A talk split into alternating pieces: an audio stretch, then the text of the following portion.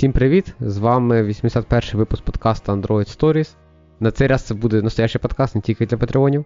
От, І ми таки поговоримо про. І і навіть справжній Android Story да, подкаст, а не щось про освіту, е, економіку, е, політику. Да, да. Це все ми. Е, це, І то, що трава раніше було зеленіше, послухають наші патреони попередні 50 хвилин. Да, у нас сьогодні цікава тема. Там вийшла про телефони, історію, і да. і про те, як ми чувствуємо себе старими, і, і, і про те, як важко буде виживати в сучасному е, світі, який ще не повністю пристосований до молодих людей, молодим людям, тому що треба крутити барабан. Е, Блять, зараз просто реально більшість людей подумали про реальний барабан, а не про те, що ми говорили, тому що вони теж зумери. А якщо хочете дізнатися, про який ми барабан, підписуйтесь на наш Patreon. Ой, да. Е, да, Підписуйтесь на Patreon. Ми поїхали говорити про Dependency Injection і Dependency Inversion. Е, Ну так, да, в основному, Короче, да, да. давай так, е, враховуючи, що минулий випуск ми порізали і такі не випустили, да. тому що е, він не відповідав е, е високим на, критеріям якості цієї багадільні. На, нашим вимогам сильно високим.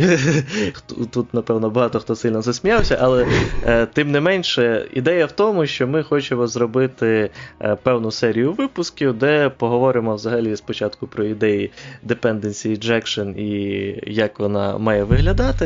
А потім ми поговоримо вже в наступних випусках про конкретні е, реалізації, як їх використовувати в Android, а саме Dagger і пізніше Coin. Угу. А, да, Ладно, давай почнемо з того, що типу, люди путають дуже часто Dependency Inversion, Dependency Injection і Dagger 2. Ні, ну так реально. Тому що все починається на Д. Ні, ну так реально. Ну, типа, зараз, типа, Коін порішав цю ситуацію насправді, але ну, не так далеко назад були часи, коли, типа, оці три е, ці, три словосполучення, ну, вони були про одне й то саме. Люди такі, так це одне й то саме.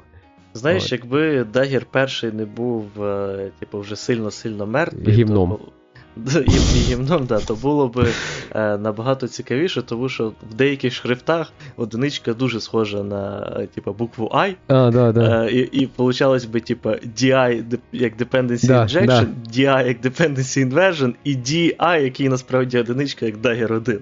Е, да. Я просто зараз поняв, що багато молодих програмістів, е, напевне, думають, що Dagger 2 і Retrofit 2 ізначально називалися, ну, типа, просто так назвали.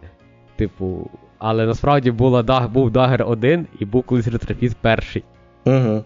Ну тут, е, то, до речі, ще залежить е, цей. Е, як ком'юніті сприйме зміни. Тому що от Rix Java 3 ніхто так і не говорить, як на мене. Я ще ні разу не бачив, щоб там десь в вакансіях хтось писав Rix Java 3 ну, або. Ну Там хтось... не було таких breaking change'ів. Ну так, да, але офіційно то вона тепер Rix Java 3 так, називається. Ну і Rix Java 2 не називалася Rix Java 2, просто Rix Java називалася. Ні, ну в будь-яких вакансіях тоді, що я завжди бачив саме Rix Java 2. Бля, там ж різниці було, що цей Completable додавали і Single Observable можна Ну, так, да, але це. Серйозно? Е, е, і розділили observable на observable і flowable. Але... Ну, це геймченджер просто. Ну, насправді це ну, типа, е, якщо людина знайома лише з першим е, цим рік з Java, то вона продовжить тоді, е, хоч в неї вже є там можливості другої, продовжить все скрізь повертати observable і а. писати незрозумілий код. Тому тут, ага. ну, напевно, є, є сенс. Я okay. розумію, що оце вивчити, це типа, ну, питання там двох годин. Е, але оце насправді, до речі, практично. Але ніхто цього не робить. Ну, не то, що тільки ніхто це не робить, але у мене взагалі здається, що це, е, до речі, не тільки в програмуванні, а взагалі в будь-якій професії. Е, часто із-за того, що ну, у людей якби не, нема якогось там багаторічного е, досвіду саме е, вирахування, які кваліфікації важкі і дуже потрібні, які ні, от, то все під одну грібенку кидають. І е, виходить так, що там, е, наприклад, когось можуть відказати, що е, ми вас не візьмемо на роботу, тому що ви там працювали лише за рік з Java 1, хоча насправді перейти на рік з Java 2, знаючи рік Java 1, ну, типу, фігня питання. От, е, Або якщо ви там, типу, чувак працював в iOS з RX Swift, а в Android не працював з RX Java, ну, типу, теж перевчитися з RX Swift на iOS, на RX Java на Android, ну, теж питання там до е, до тижня. Так, да, але це нам з тобою, а насправді просто дохера програмістів, які RX Java осваїли 5 років, вони не розуміють, і я просто ну, мають багато прикладів в голові. І шукають саме близький приклад до тої задачі, яку їм поставили. Ну, ти таких бачив, я думаю, не одного теж. Ну, да, але це це, це, це вже окремо. Ну, типа, Просто непрофесійні люди, да. Проблема. Да. Тут, тут, тут, типа, е, цю людину би вже через от, отаке можна було не взяти, а не е, через. Да, те, що вона але якусь... ринку треба більше людей, чим є кваліфікованих людей, тому таке життя. Це майже в мене така схожа така коли в Україні говориш, що у нас хороші механіки. Ну, типу, блять.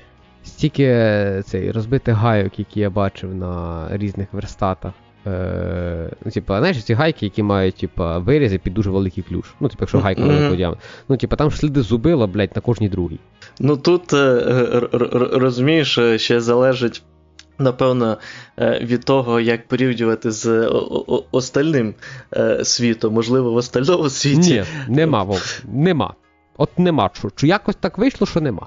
Не знаю, основне, що я знаю про про, про, про, про наших, типу, що часто говорять, це то, що якщо ти там типу, переїжджаєш кудись в Європу, в Штати, е, то знайти е, нормальний е, манікюр і парикмахерську, де не наші, типу, дуже важко.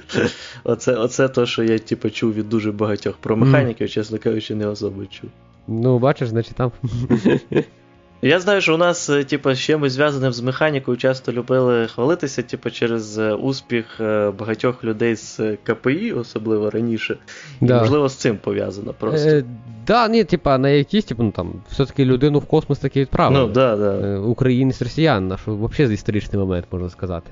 От, е, от, Але це знаєш, як приблизно говорити, що у нас хорошо з матосвітою, бо у нас є кілька переможців міжнародних олімпіад. Ну, да. Це не рятує від того, що у вас з 30 мільйонів 20% не можуть порахувати. Ну, типу, в Штатах не сильно, по-моєму, багато переможців міжнародних олімпіад з математики, але процентом всі рахують так, як треба. Ні. Ну, ладно, е, процент процент людей в Штатах, які порахують правильно процент, більше, ніж процент людей в Україні, які правильно порахують процент. Ну тут я дуже сумніваюся, насправді. Е, Типу, ну, по-перше, процент це взагалі дуже важка для людей математична тема. Е, Типу, напевно, тому що в школі їй не особо приділяють навіть увагу і беруть уже в. Старших трохи класах, мені mm-hmm. здається, там сьомий, десь, де вже багато велика частина людей просто відвалюється. От, А по-друге, ще мені здається, що з словом проценту людей відразу якийсь такий е, е, тваринний страх з'являється, і і це теж їм заважає думати. От, Але, типу, про проценти якраз я бачив часто всякі ці тіктоки та далі про опитування там звичайних американців, і типу, та, та там нічим не краще, ніж у нас. Не знаю, я я не вірю з цим тіктоком. Е, я ну, див... ну, я просто дивився, це бу, бу, були якісь, типу, блін. Я не питаю, що я читав. Ну, коротше, це виглядало плюс-мінус дослідження.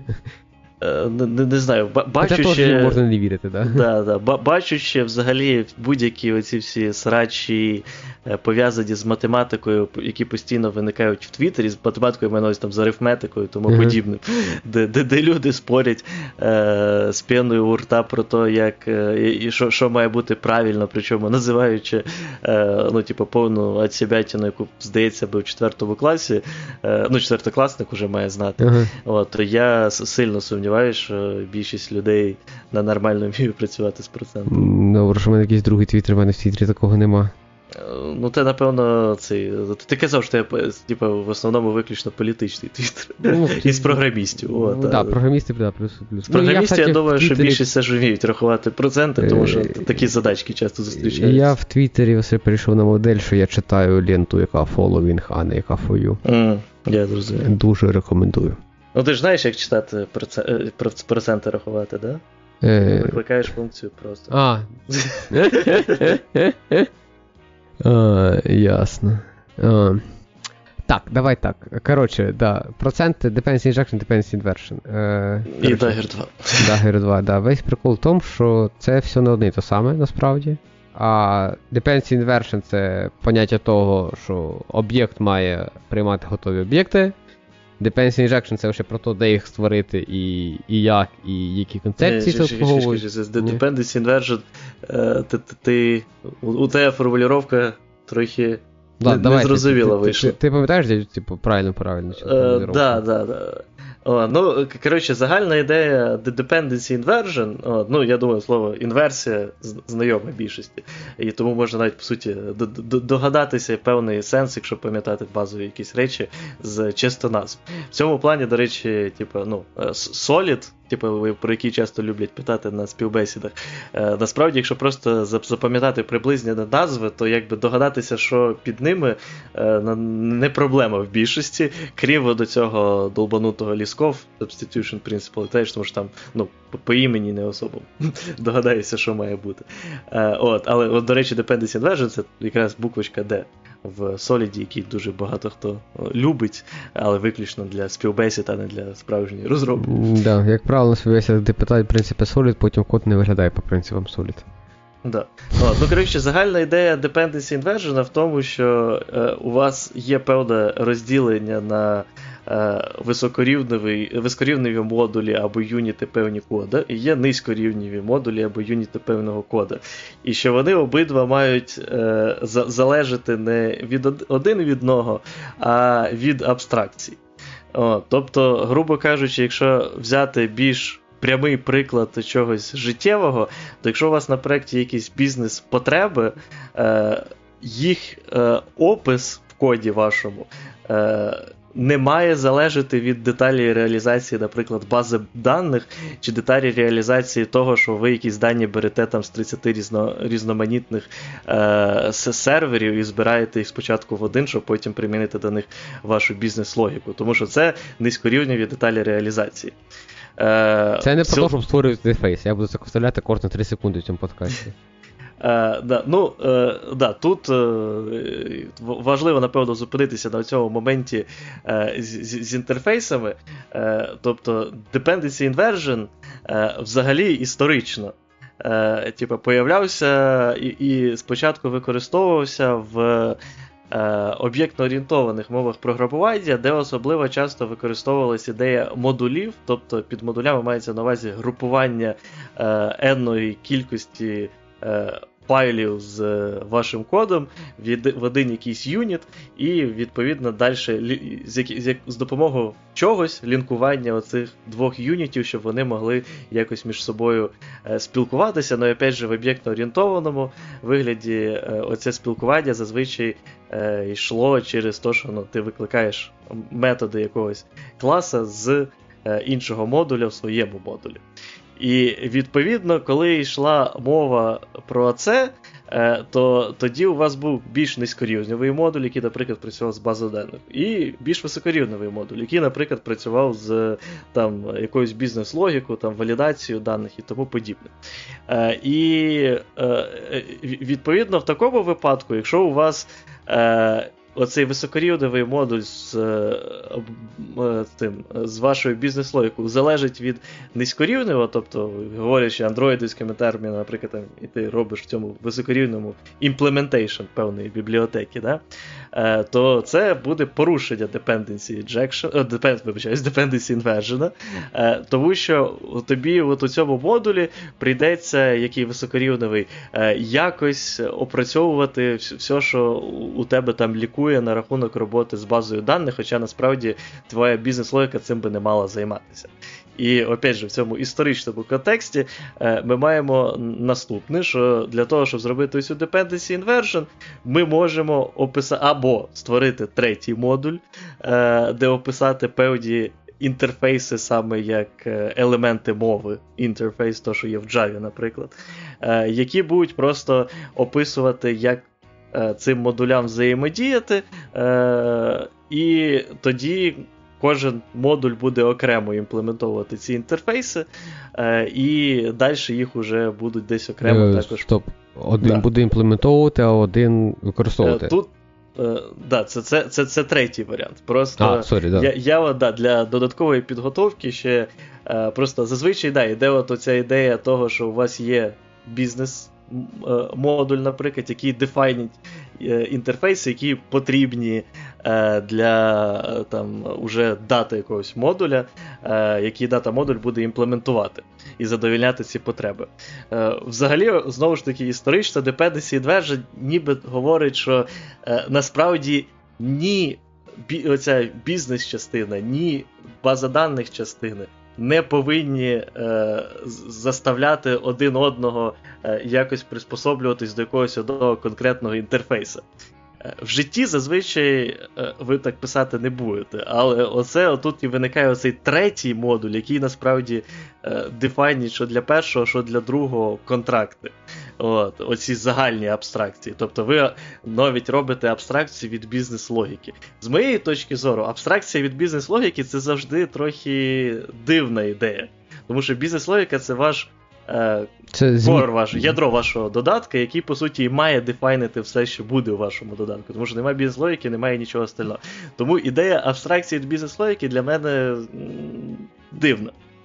Так ось, в таких випадках дуже часто, начитавшись е, оцих е, е, речей, які були написані там в 70-х, 80-х, 90-х, е, у людей. І опубліковані на медіумі в 2022-му. Е, у людей часто відразу в голову взлітає окей, ну там ж написано було про інтерфейси. Дали приклади от з е, цими, коли у вас є декілька модулів, і там треба, типу, в одному задефайнити інтерфейси, і щоб інший їх імплементував. І відповідно теж починається навіть на рівні одного модуля для оцього розділення е, того, що у вас бізнес-логіка має не залежати напряму від імплементації вашої дата-логіки, створюються інтерфейси для цих же репозиторіїв. При цьому цих е, репозиторіїв е, інтерфейсів буде все одно одна імплементація на один інтерфейс. І оце появляється такий overhead, який вам насправді нічого не дає. Тому що інтерфейс е, це не обов'язково те, що вам дає мова тому плані, що от як в Java існують саме інтерфейси, keyword, який створює певну структуру, з якою можна працювати і потім імплементити класами е, і тому подібне. Е, Інтерфейс це також загальне слово, яке говорить про е, методи взаємодії з чимось, які описані.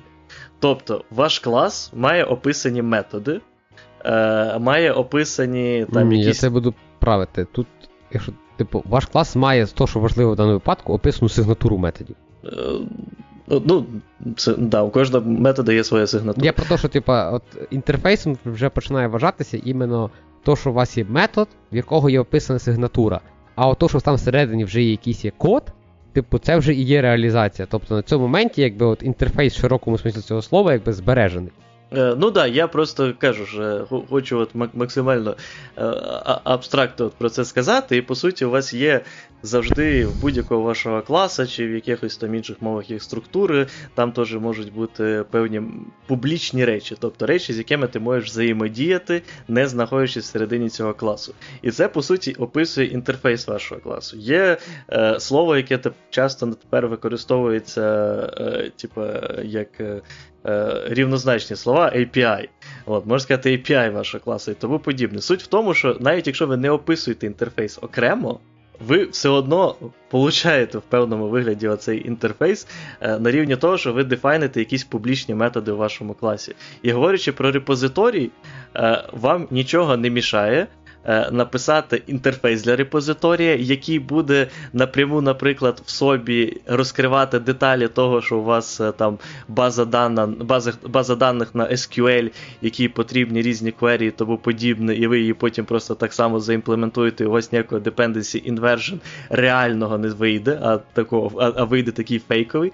Але і так само ви можете не описувати ніякий інтерфейс в вигляді, от саме використовуючи keyword інтерфейс, а просто описати е, от ваші публічні методи вашого репозиторія так, що вони е, ніяк не leak ують деталі реалізації того, що в приватних частинах репозиторія здійснюється. Да, тут Давай е, все-таки розвивати приклад е, твого е, прикладу з базою даної, з базою даних. Тобто, якщо у вас є репозиторій, і е, у вас там є метод, типу, не знаю, забрати всіх юзерів. О, то очевидно, що десь там всередині цього методу буде якийсь connection, е, що то за execute иться в базу, е, база щось поверне, і цей connection треба закрити. Е, так от, якщо у вас є просто клас репозиторій, і у вас є метод getAllUsers, і юзер просто викликав getAllUsers, і ви там всередині самі відкрили connection, прочитали базу, закрили connection, віддали дані, то це хороший варіант.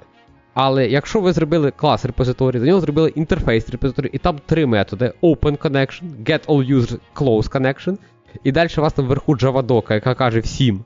Ну, типу, ти перед тим, як викликати Get All Users, викличе Open Connection, а після того, як ти прочитав з Get Users, типу, викличе Закрий Connection, то не дивлячись те, що ви створили реальний інтерфейс, код хуйня.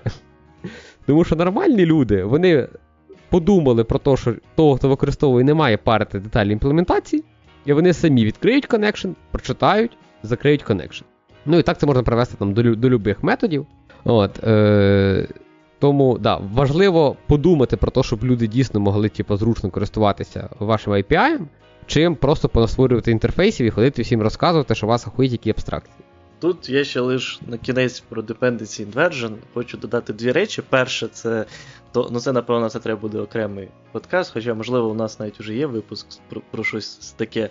Е, те, що деколи Dependency Inversion е, цілком нормально порушувати, тому що це може дати вам е, виграші там в оптимізації, в швидкості, в кеші і тому подібне. Але тут, ну, як як, як зі всім, тобто, щоб е, знати, як порушувати, спочатку треба зрозуміти, як працює. Е, Ось, і друге, це те, що ну це більше як таке з цікавості. Е, Я нагуглив, що насправді існує ще така ідея, як Dependency Inversion Pattern. Е, тобто Dependency Inversion плюс ще слово pattern, як шаблон. І е, коли от говорять про нього, то це якраз от ним е, люблять описувати цю ідею, коли ви взагалі е, починаєте створювати на кожен клас по інтерфейсу.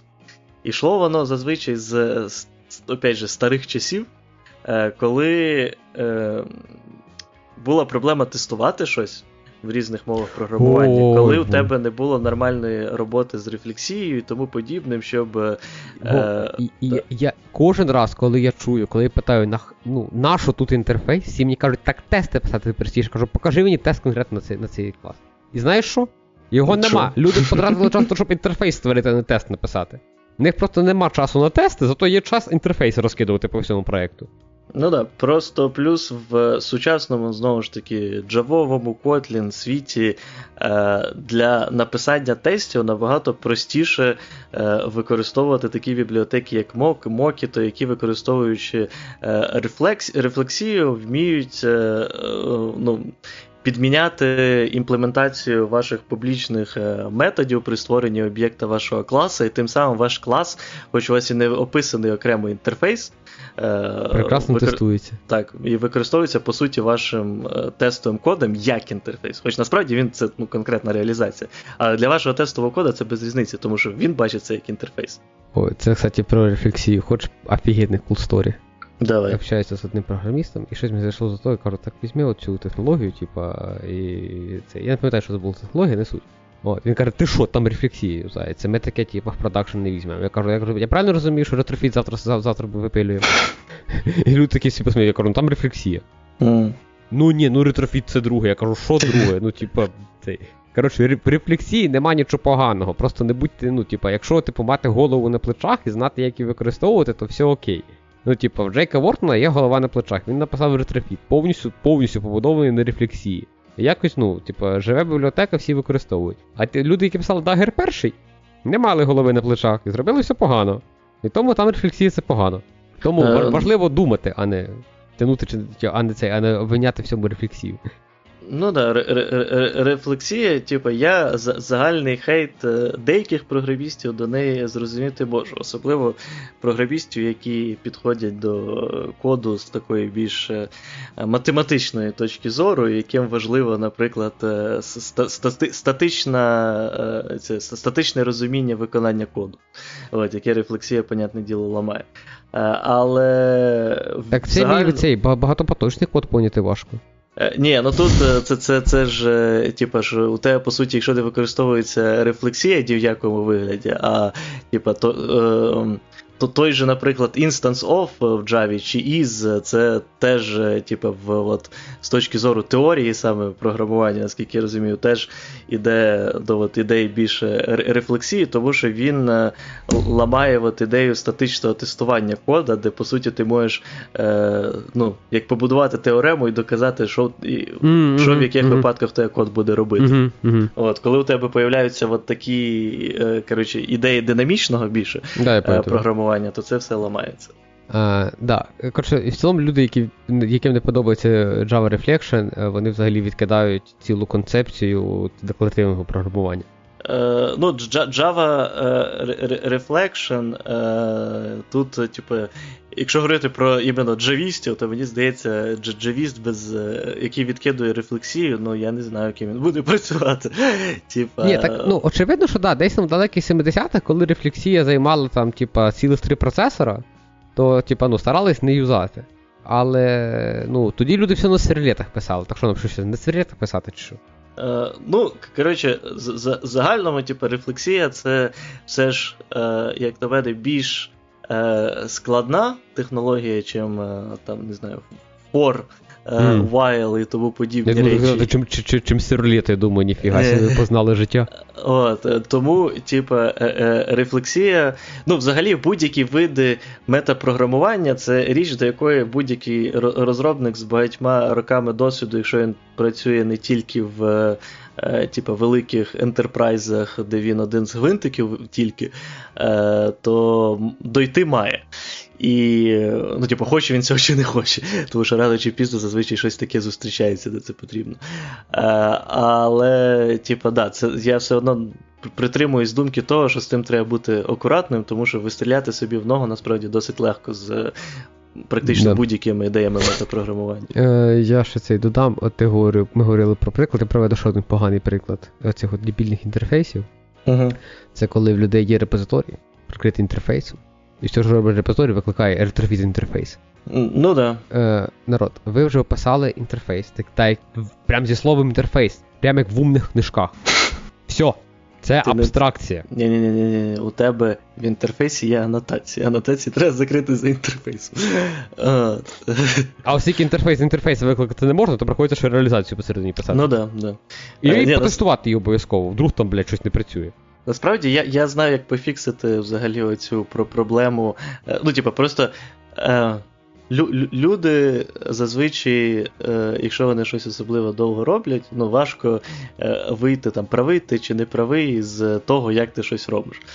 Е, Ось, і це, типу, залежить від того, наскільки довго ти це робиш. І тому, типу, багато людей, які от звикли робити там інтерфейс на кожен чих, робити цих 10 прослоєк, е, типу, вони нас там послухають і скажуть, типу, нахіра цих дураків слухають, типу, ну, мелять це, це, це логічно. фігню. Ну, ми да, займаємося. Да, І і вони, е, типу, ну, не не, не будуть з нами погоджуватися, можливо, ну, але, скоріше за все, не не будуть з нами спорити. Е, Тим не менш, типу, от як лайфхак, да, от саме з е, ретрофіту. Як на мене, зараз я придумав, буквально тільки що. Е, Як е, покращити собі життя, при цьому не ламаючи типу, свій worldview, да? Е, Фотогенерацію просто... зробити ще поверхи, коли реалізацію і цей. Я я просто поняв, в чому ще загальна проблема е, ретрофіта і за чим його закривають за репозиторієм. Оце mm-hmm. ретрофітовський сервіс. Тому що їх називають сервіс почніть називати там не, ну, наприклад, у вас, я не знаю, там user сервіс, да? почніть його називати user репозиторій. О, да, я я давно цю ідею все. предлагаю, да. І да. і все пофікс, пофікшено. Ви все одно працюєте з репозиторіями. Да. Я, поки ти говорив, я е, знайшов, я вам процитую з сайта е, COAE не знаю, скільки це правильно. Десята стаття е, Європейської конвенції з прав людини. Кожен має право на свободу на свободу вираження поглядів. Це право включає свободу дотримання своїх поглядів, е, одержувати і передавати інформації та ідеї без втручання органів державної влади та та, та незалежно е, від кордонів.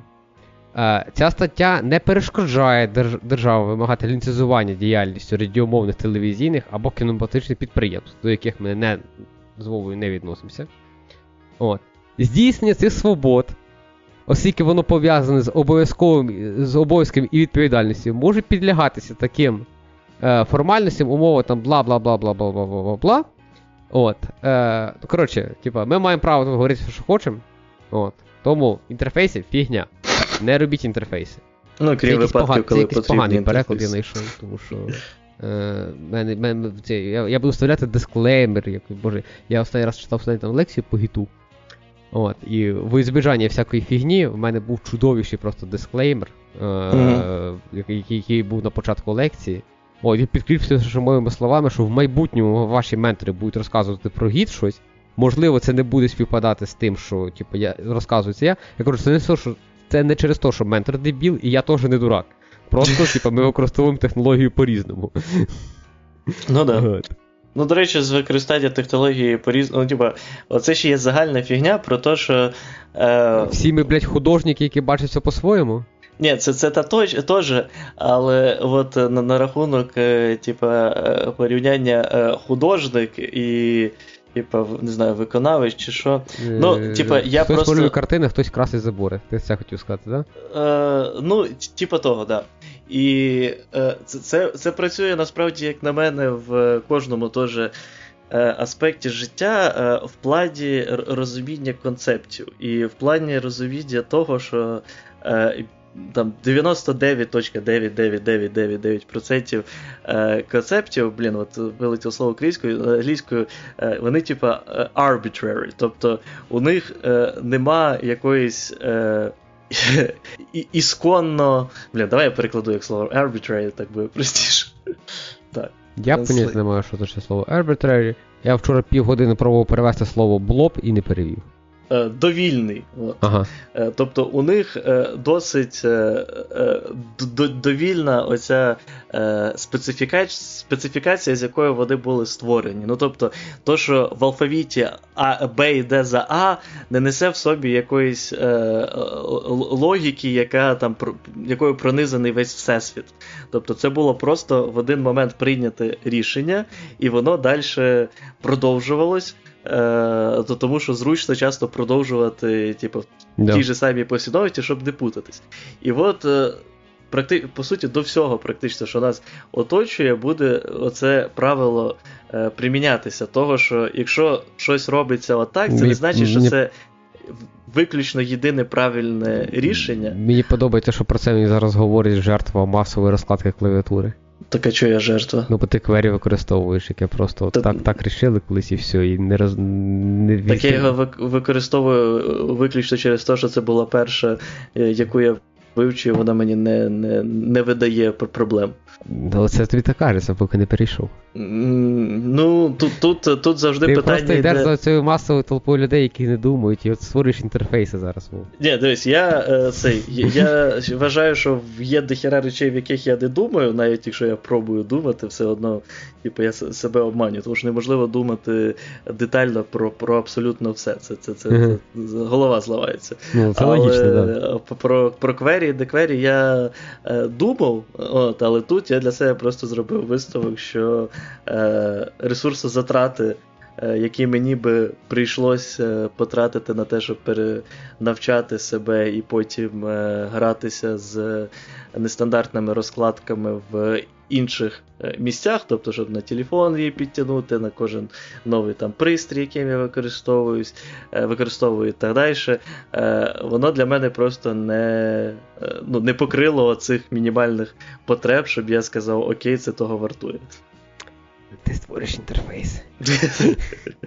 Я не спорю. Багато де в житті я дійсно створюю інтерфейс. Да, коротше, е, да, ідею з репозиторієм я теж вже толкав не раз, але це не то. Ти не розумієш, що треба. Люди теж користуються 10 статтею, статтею Європейської конвенції з прав людини і говорять, що будуть створювати. Це, це, це от, до речі, до того, що я до, до, не- в останній час, ну насправді не тільки в останній час, але просто зараз з тим, що композ скрізь появляється, то появився оцей новий розквіт MVI, і типа срач між людьми, які, типа, ми за MVI, ми за MVV. Ну, типа. е, То у, у людей нема, о, типу, вони не пробують зрозуміти, про що в мене таке відчуття постійно, про що вони говорять. Ну, типу, Да. у тебе є що там, що там view модель.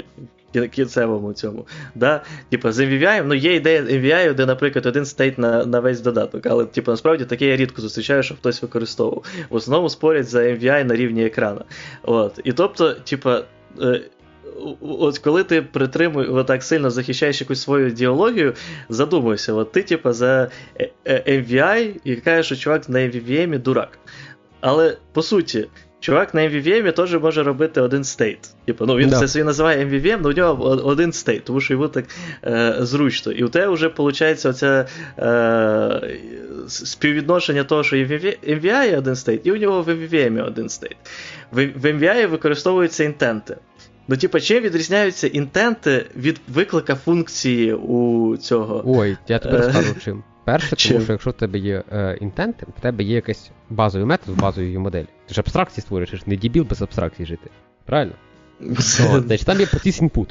І якщо в класичному розумінні VVM в тебе буде 10 методів, і є якийсь там метод, не знаю, там change, там user state, да? ти візьмеш find usage віддаєшся, там покажеться 10 місць, де він викликається. Ти поймеш, в яких моментах в UI викликається change user state, ну, по нажаттю на які кнопки.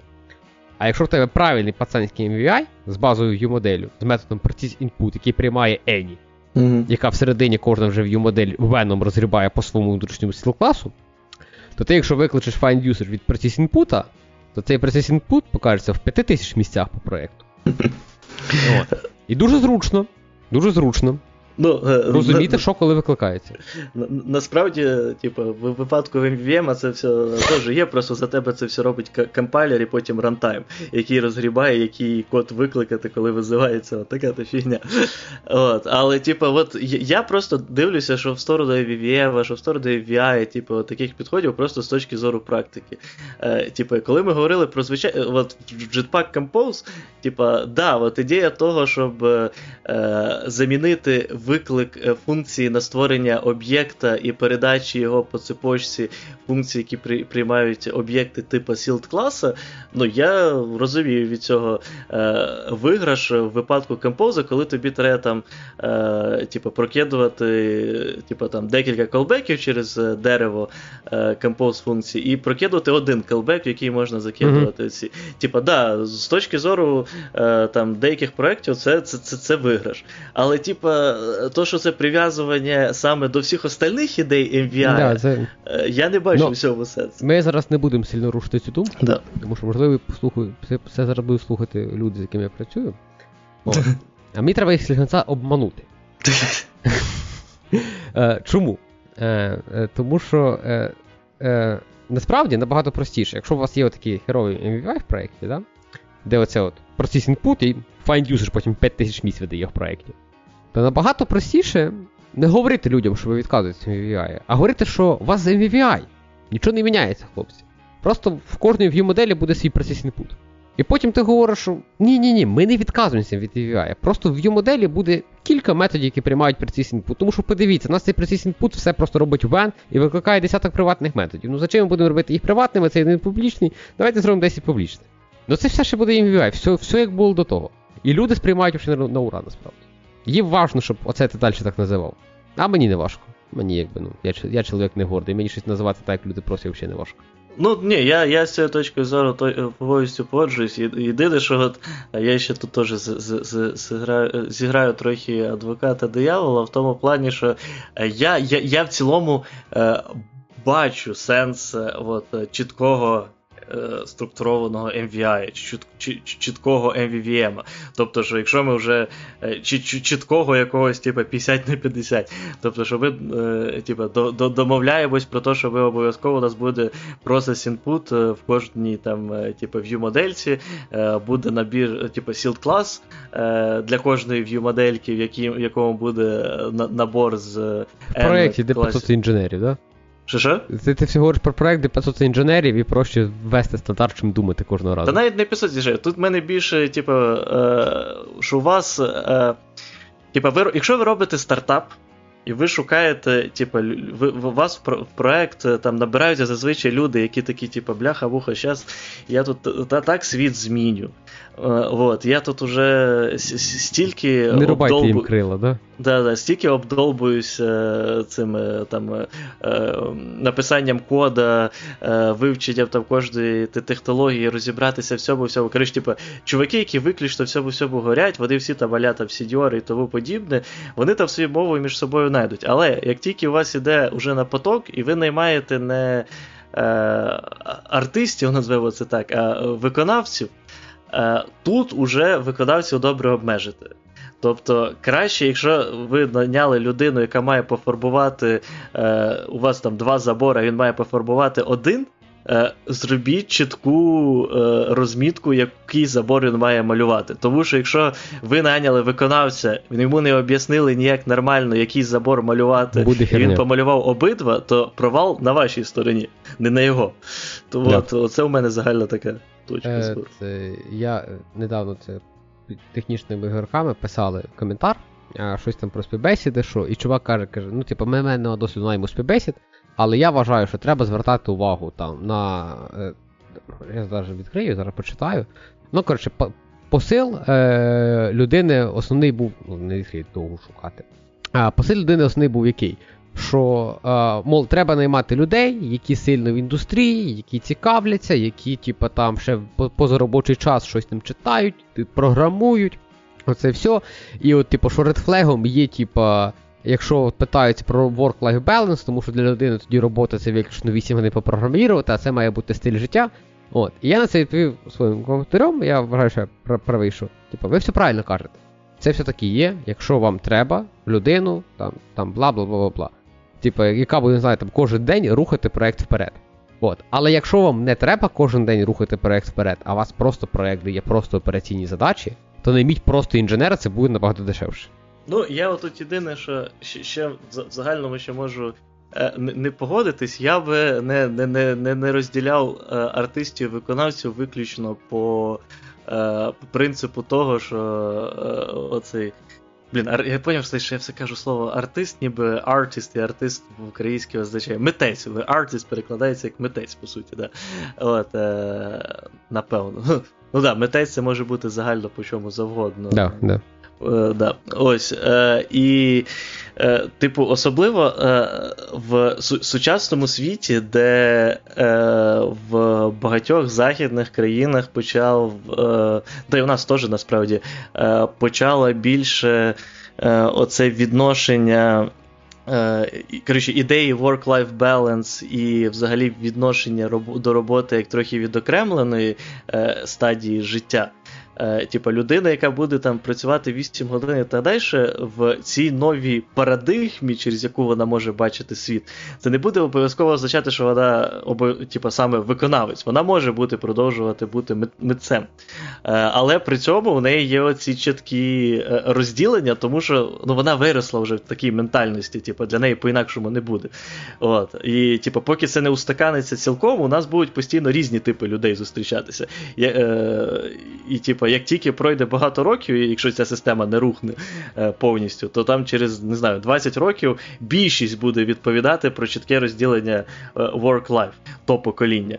Е, понятне діло, будуть деякі, які все все ще ді, але більшість будуть іти по ну, цій. Я я просто можу сказати по собі, типу, е, я більш, ну, типу, я, типу, от весь сознательний період, що я працюю на якихось стабільних нормальних роботах, я роблю те, що мені подобається. Але я сам себе в, год... в якійсь годині кажу, так, стапе. Типа, ти ж да, да, цікава задача. Ну, цікава задача, завтра все ще буде цікавою задачою. І, ну, типа, е, це, типа, доволі просто собі еваковується. Ти просто береш, не знаю, я останні, в останні кілька вечорів програмірую на питоні. Ну, mm-hmm. ну, сьогодні вже не програмірував, і то хорошо. От. Але, типу, ну ти просто береш, е, типу, ну люди, цікавтесь чимось, ви, типу, помімо роботи, його пересете. Я кстати, що думаю, Го вивчити. Мені так Го подобається останнім часом. Знаєш, що мені сподобалося трохи, не знаю, в мене щось просто в голову стрільнуло. Е, я я, я, я, ж просто ще зараз там був, е, писав всяку фігню на C, і типу, мені недавно в голову було стрільнуло. Ти, я ти, трохи... пропустив цей момент, як в тебе C в житті появився? Лаби. А. Да. От, я для фана трохи погрався з Растом. Блін, Раст такий класний після C. А, так, бля, після C все класне. Да, бля, C, звісно, це константний поінтер, const, int, зірочка, const. Назва. Е, да, там, Ну, коротше, я це, я ж тут Python для себе був відкрив, типу, не так давно, да? Угу. Писав цей сервіс на Python з доступами, про який тобі говорив. Ага. І, ну, бля, я би сто раз вже переписав на щось друге.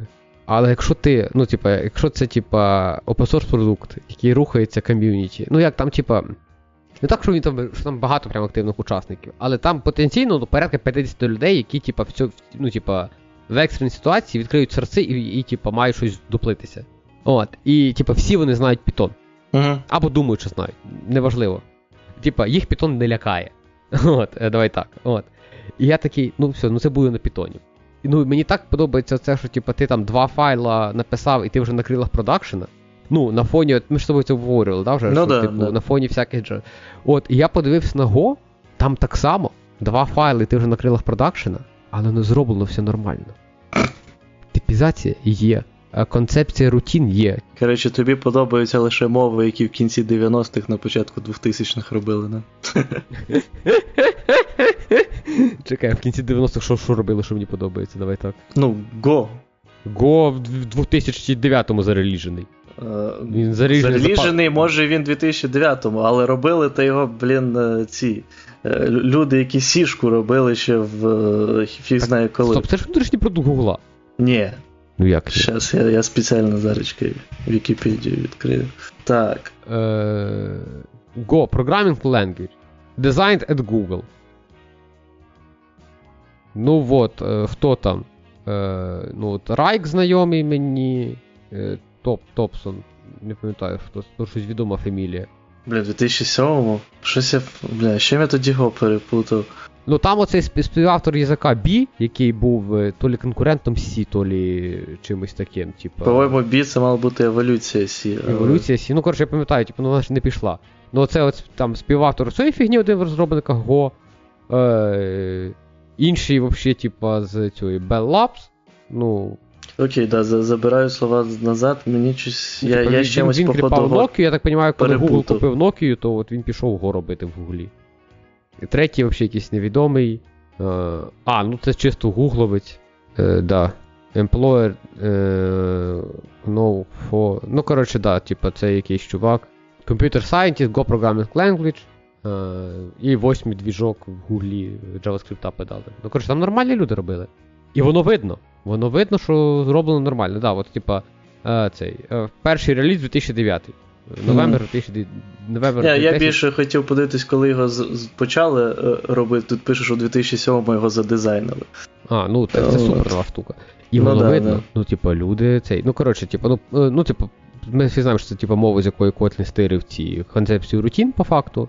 Та Ну, кор- ні, концепція рутін була ну, ще до Go. Ну, корутін, точніше, було ще далеко до Go. От. Е, ну, коротше, типу, в них це го-рутіни, ясне діло, ну то таке. А, ну, типа, ні, концепція рутін, то по факту можна сказати, що будь-який метод це рутін. Ні, я, я кажу, що ко- корутін саме. А, да, окей. Ем, ну, коротше, типа, концепція рутін, повністю все функціональне, структури як в свіфті. Типу, Мгм. ну, що ти просто property поміняв, нова структура створилась, все, все імутабельне, ну, коротше, красота. Тому що, ну, типу, в- Kotlin з його новізною приносить багато нового, але ну за ним таке Legacy Java є. І я говорю навіть не про Legacy Java в тому плані, що там. Е, не знаю, там фреймворки, бібліотеки, а ну, ця обща база знань ком'юніті, знаєш, воно тянеться, тянеться, тянеться, всі білдери, блядь, створюються, е, все в клас вернути, де клас нахер не. Е, оце ото, що контекст це щось таке, що лучше нічого не ставити в нього. Мені так подобається, як Python тусовка нормально сприймає, що у них все функції, і вони просто мають якийсь общий контекст, з якого з хешмапа щось дістають і взагалі в грубу не махають, що типу, що, чим це може бути погано. Ну тут теж залежить від того, що, що робиться. Типу, на, на проєкті, де мільйон строк, я думаю, це аукнутись може дуже легко. А типу, якщо ти робиш там простенький крад-сервіс на ресті, ну да, понятне діло, там та- танцюй як хочеш. Шанс того, що ти щось зламаєш. Ну так ні, ну при близький до питанні популярна тема з кваргами, тобто, коли типа, просто є типа, аргументи, які типа, ти всі передаються через метод. Ну, коротше, мені теж подобається. А, і коротше, говно отак от зроблено, але при цьому, ну, воно, типу, тобі не треба КАМАЗ, щоб вести твій продакшн на ньому. От. Тому що Python, ну там треба КАМАЗ, щоб продакшн їхав. От. Е, Що ти маєш на під КАМАЗ? Великий сервер. А. Ну він ж жре просто все. Ну, типа, там Java сміють, що типа жре, ну, типа, Python взагалі вижирає. Ну. Так, От. Блін, по-моєму, ці, ці всі е, речі давно вирішені там правильним підібранням інтерпретатора і так далі. Там ж є мільйон раз різних. Ну, це Python. вже починаються нетривіальні штуки, як на мене. Ну, можливо, можливо, не. не Ну, коротше, типізація. Ну, та воно воно все таке красиве. Е, знаєш, це в мене це в мене цей Ханді Мун з мовою. Mm. А, Тому що я розумію, що люди, які пишуть на ньому кожен день, зараз тут прийдуть, прийшли мені і сказали би, чувак, там стільки по дібільному зроблено. От, Але, ну коротше, для мене поки що Go виглядає як Kotlin без відлігасі цього Java світу. Тобто, оце плюс, звісно, ну, тобто в Kotlin якби всі плюси Java в якості інфраструктури. От. Але є всі мінуси Java. В якості того, що він, ну, типу, асоціюється з нею, тяне багато що. І це, коротше, це, коротше, мені його прям прям подобається зараз. І. Е, я просто в мене це є міксдрінс на кодлі написаний. І я так собі перекинув, що якщо його, типу, стаєш, що в мене там за код. Е, я просто, типу, зняв там даних, і він, типу, жре стабільно в проді 400 метрів. Так от 300 mm-hmm. з них жре сама GVM. Ну, просто якщо він ну, ніхера не робить. Ні, ну тут ти, ти можеш тут, до речі, теж погратись, там є є більш оптимізовані по пам'яті GVM. Я хочу цей переписати на Go, подивитися, що буде. Зараз у тебе така 400? Да. Буде 399. Ні, ні, я думаю, там будуть ще панти. Насправді. От. А, так, на чому спинились? Не робіть інтерфейси, от. Да. Я пишуся на Go. Ого, такий класний, серйозно, ну просто бомба. Вова відкриває його, можна е, назвати так. І, кстати, блін, е, тут ще ця концепція. Цей, е, коротше, люди, спрощуйте все, що можна. Я оце вчора був, то що я казав, я Python позвав production. І там ця система доступа. Коротше, 50 юзерів, 50 девайсів, типа кожен або має permission, або немає. І там була позгря. Піднята на Raspberry Pi. Вроді позгря, нічого складного, правда? Ну, для Raspberry Pi якось. Е. Ні, це нормально, працювало роками насправді. От. Якщо в позрі 50 запитів, воно небагато вже. Не, а просто тут можна і, типу, для економії всього SQL-Lite якийсь підняти. Бінго! Коротше, ми що переписали? Ми зробили так, що кожному типу, рідеру вертається просто масив айдішників, які пускати, які не пускати, а не так, що рідер говорить, я прочитав оцей ключ, це летить в сокет, потім з сокета цьому рідеру прилітає повідомлення відкрийся. От. Просто, типу, вони вони рестом забирають, типу, масив, кого пускати, і все, і тримають в кишів. Mm. От. Е, І коротше. е, Ми це переписали з рідера, коду випилили, хуліард, сокет викинули, нафіг. Коротше, і я ще взяв в кінці кінців, а в нас позряд, типа, в нас все типа, на Raspberry крутиться в супервізорі. І в нас якогось дива, якщо докер вбити, то він в супервізорі не рестартував контейнер. Ну, Тому що mm-hmm. позряв в контейнері. Я такий кажу, так, все нафіг, давай SQLite візьмемо. А ми це собі змогли дозволити, через те, що у нас все звелося з двох плат до одної, і нам не треба було синхронізації. Угу. Коротше, в тебе все в одному файліку, бекапити в мільярд раз простіше, ти просто бекапиш, ну, типа, файл. Угу. От. Е, Коннекшени описувати просто, конф... цей, е, креди прописувати не треба, тому що, по факту, було позря з одним юзером. Тому що ну, більше не треба, тільки app писав в неї. Угу. Е, коротше, е, цей е, бекапи просто. Е, все в одному файлі для Raspberry це взагалі щастя, жре ніфіга. Connection, типа секрети в Python прокидувати не треба, connection відкрити просто фігня вопрос, це просто звернення до файла. Ну, це, це, це, це казка. Ну, типа, знаєш, звучить просто так, що, що там Postgres просто... нахер не треба було. Да, та, Типа, просто настільки з самого початку за цей за, за овер-інженіра. Да, напевно, якщо там уже так усе написано, то да, я би теж перейшов на SQLite. Але так, то справді з того, що ти описував, блін, якби я це просто робив з нуля, і типа, що це просто мені як е, типа, база в, от, на на 50 е, людей 50 девайсів, то я би може просто зберіг це все JSON-чиком файлік. Я вже дістав... думаю про це. Я вже думаю про це. Ні, ну, Там просто є, типа, ще логи. От, І. Е, ну, типа, по факту, що SQLite це воно і є. Я насправді думав про то, я собі думав, так, я Ні, зараз. що. SQLite там багато всього. Ні, я про те, що, типу, я собі думав, так, треба до одного файлу, я зараз збережу в JSON, отак буду тримати логи, отак буду тримати юзерів, отакі ось структури, потім я напишу якісь, типу, дефолтні прекондішени, щоб можна було по цьому селекцію зручно робити. Потім я напишу пару операторів, ну, типу, зроблю це все операторами, щоб ордеринг можна було робити. От, я такий, так, фак, Вова, ти SQLite придумав. Ну, Ну, типа, ти щось придумав SQLite, зберігати все в одному файлі, написати кілька кондішенів, зробити все на універсальному типі для того, щоб ну, типа, можна було все зробити красиво. Я такий, ну, SQLite. Ні, ну да, якщо там багато ще й логів, то я по ним шукати, то SQLite тоді найкраще, да. Ну, типа, там небагато, типа, кверей, але я розумію, що кожен раз це кондішенами описую, ну нахіра, коли ти можеш просто, типу, SQL і все описати. І плюс я не хотів взнавати, чим модно в Python JSON парсити. Мгм. От. А там, коротше, якісь різні варіанти є, там що це спорить на Reddit, що краще, такий, типа, маєш 50 юзерів, мені точно треба щось оптимізоване. Ну, да. Тому зробив інтерфейс. І закрив парсілку JSON за інтерфейсом. В, в, в, Python є інтерфейс. Не знаю, не знаю, не знаю. Як ти розумієш, я не робив інтерфейс. От. Е, ну, кстати, що мені кстати, ще сподобалось на фоні Python, структури так просто описуються. Просто в Python ти пишеш клас, над цю нотацію, що це дата клас. Потім обов'язково ж def-in написати. Ти по-другому ж хер понятно, як цей об'єкт створюється. І він оце от, в нього немає цієї нормальної типізації. І ти в конструкторі приймаєш стрингу, сетиш її в цей в кастомний об'єкт, а йому вообще пофігу. Десь впаде в рантайм. Зашибісь просто. Я чесно кажучи, не пам'ятаю, а в Python хіба не можна там просто аля як в е, цьому Можна, JavaScript можна, дорівнює дві цих і прописуєш там все, що хочеш. Ні, ні, ні, типа, в Python можна типа типи вказати, але це ж треба, ну, типа. А, ні, ну. Ну, типа, по дефолту воно ж тобі не обов'язує, я такий. фак. Я ж не знаю, я покупаюся в цьому, як в пайчармі. Може там що то, що, що то є. А у тебе копілот це все сам не написав. А Copilot без типів пише. Copilot вже вчився А. на опенсорсі в Mm. Я ж взагалі думав, що тут так правильно, що там типів взагалі не можна писати, що це як JavaScript. Ну, така Ну, ти JavaScript можеш писати типи при бажанні. Ну, ну, типа, я, да, я розумію, що ну, коротше, прикол в тому, що типа, там настільки. Я пам'ятаю, як я перший раз хотів мет написати метод на JavaScript пару років тому. Я дуже довго гулив, як додати тип, тому що я ну, не розумів, що може без типу а, ні, ну ти да, ти, ти написати не треба. Да. Да, да, да. І коротше, а тут, типу, копілот, ти, ти, ти пишеш, копілот тобі без типів підказує, такий, ну я ж не дебіл, ну, типу, там копілот же ж ум, умний чувак. Не умний копілот чувак, копілот навчився на, на ідіотах, і вони всі без типів пишуть. Ні, ну тому що ти не в цьому в мові не типізованій пишеш, нахіра ти типи там. Ну, бо там, типу, якщо ти писати, то ідеєшка трохи підказує, каже, чувак, ти що тут, типу, ну, фігню якусь несеш, типу, тут тебе, типу, юзер ДТО, а тут стрінга. Ну, типу, одне в друге явно не сетиться. Ну тут треба підключити JSON, тоді все буде сетитися.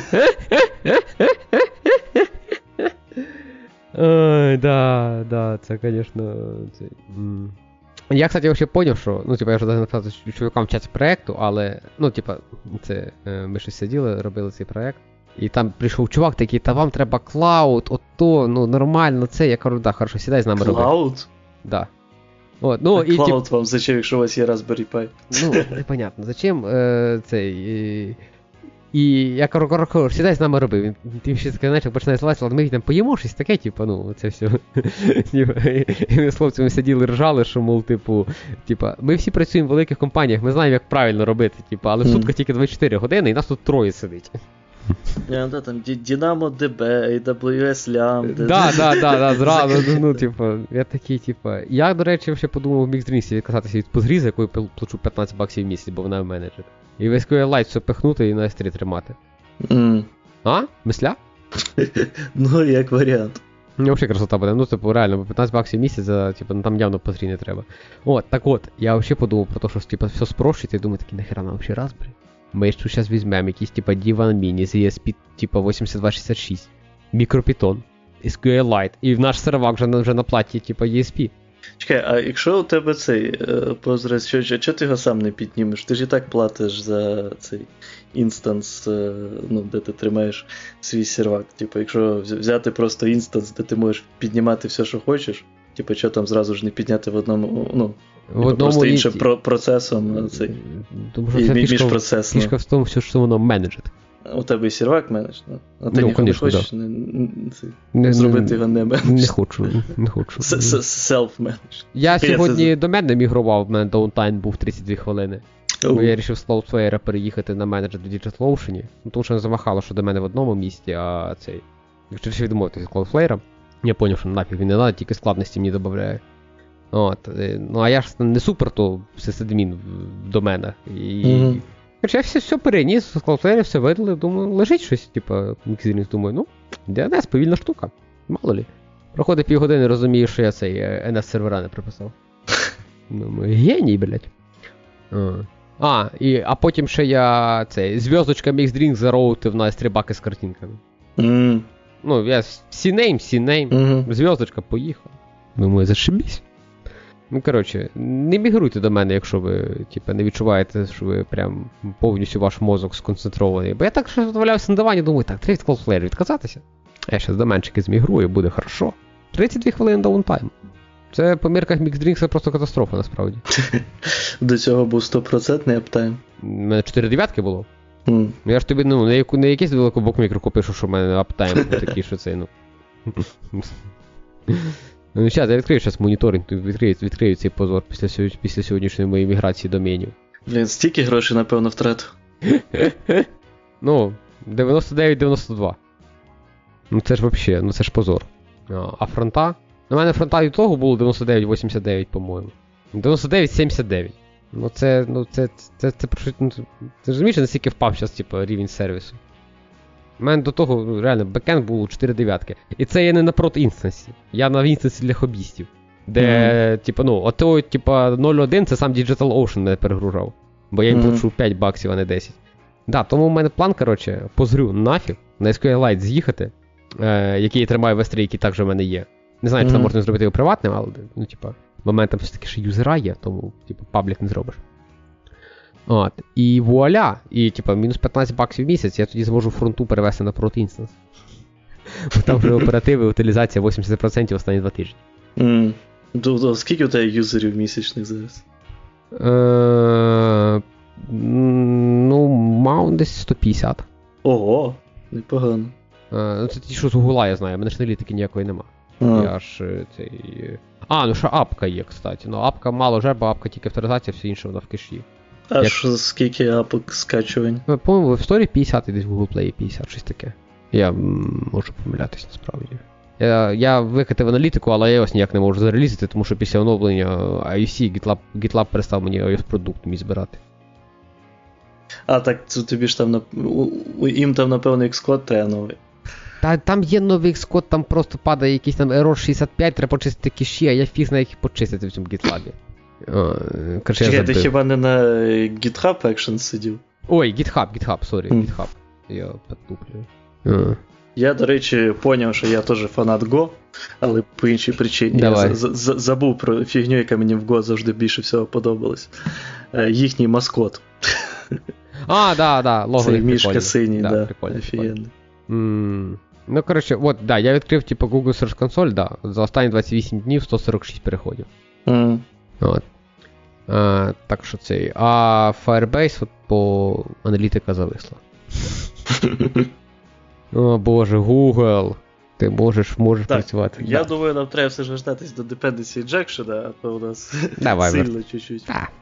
Так, окей, тепер про Dependency Injection і про, про Dependency Inversion ми, по суті, поговорили. Е, тепер в чому різниця між е, тим, що ми сказали, і Dependency Injection? Е, чому їх часто путають? Ну, я не те, щоб сказав, що їх путають часто, я б сказав, що їх дуже часто питають чомусь разом на співбесіді. Типу, е, я, чесно кажучи, не, не до кінця розумію, чому. В загальному Dependency Inversion дуже часто використовується при Dependency Injection, але е, ти, тим не менш. Так ось, загальна ідея Dependency Injection це насправді одне з самого простого, що можна взагалі придумати в, інтерне... в, в інтернеті, в програмуванні з концепцій. Е, Заключається вона в наступному. Якщо у вас є е, якийсь е, певний клас, який має залежності на е, інший клас. Ну, тут клас я використовую чисто для зручності, тому що, опять же, якщо говорити про різні мови, то може це бути структура, може бути що завгодно. Але у нас в основному це класи, тому якщо у вас є певний клас, який має залежність на інший клас, е, то е, якщо у вас цей клас А, який залежить на клас Б, сам створює і, і знає відповідно, як створити instance класа B, то у вас нема dependency injection. Але якщо якимось чином, зазвичай у вас є таких три варіанти, як це зробити, клас А получає ззовні instance класа B, то ви отримуєте dependency injection. Це може бути або А через конструктор, і то, що ми частіше за все бачимо в Android світі, або Б через е, field injection, тобто, якщо у вас є якесь публічне поле, і туди просто іззовні. Це то, то, що ми часто бачимо в світі в фрагментах є Activity. Да, да, да. Ще донедавна не було доступу до конструктора. Ну, в, в, там не, не зовсім то, то же саме, але да, тут схожа концепція, тому що там все ж тобі треба самому викликати інжектор і передавати інстанс, і вже після цього інжектор да, робить field injection, але там трохи запутана більш ситуація, до цього ми ще повернемось. Але, типу, field injection, не знаю, як зараз, але колись давним-давно, коли я ще е, піднімав свої серваки по різним туторіалам на на Spring, не на Boot, де забагато що вже зроблено, а саме з нуля на Spring, е, то там якраз дуже часто чомусь в усіх туторіалах використовувалось саме е, Field Injection або е, цей, як його, Method Injection. То method Injection це останнє. Так мені здається, то Method Injection почти не люблять люди, я не знаю чому.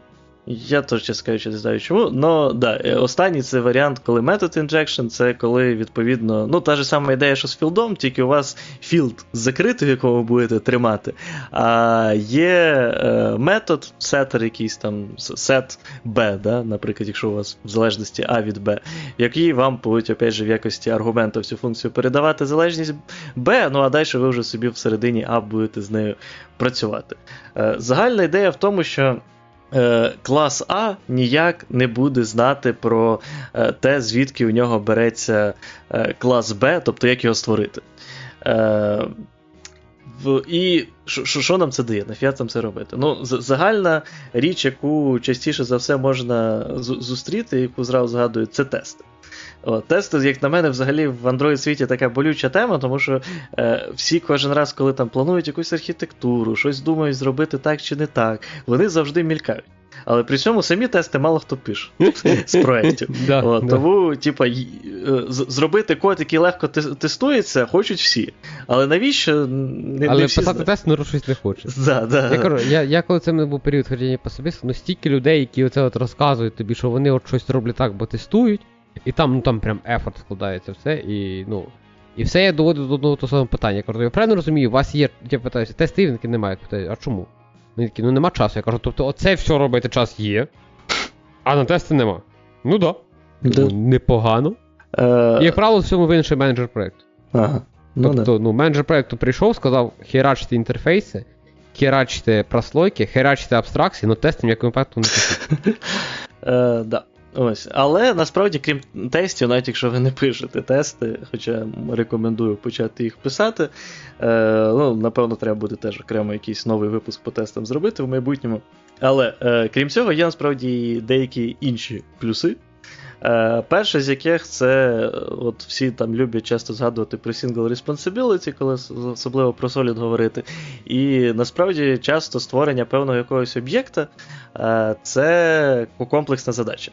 Тим більше, що далі ми там ще поговоримо про такі речі, як скопи і тому подібне, тобто менеджинг е, лайфсайкла цього об'єкта, тобто скільки буде існувати, це теж насправді окрема задача.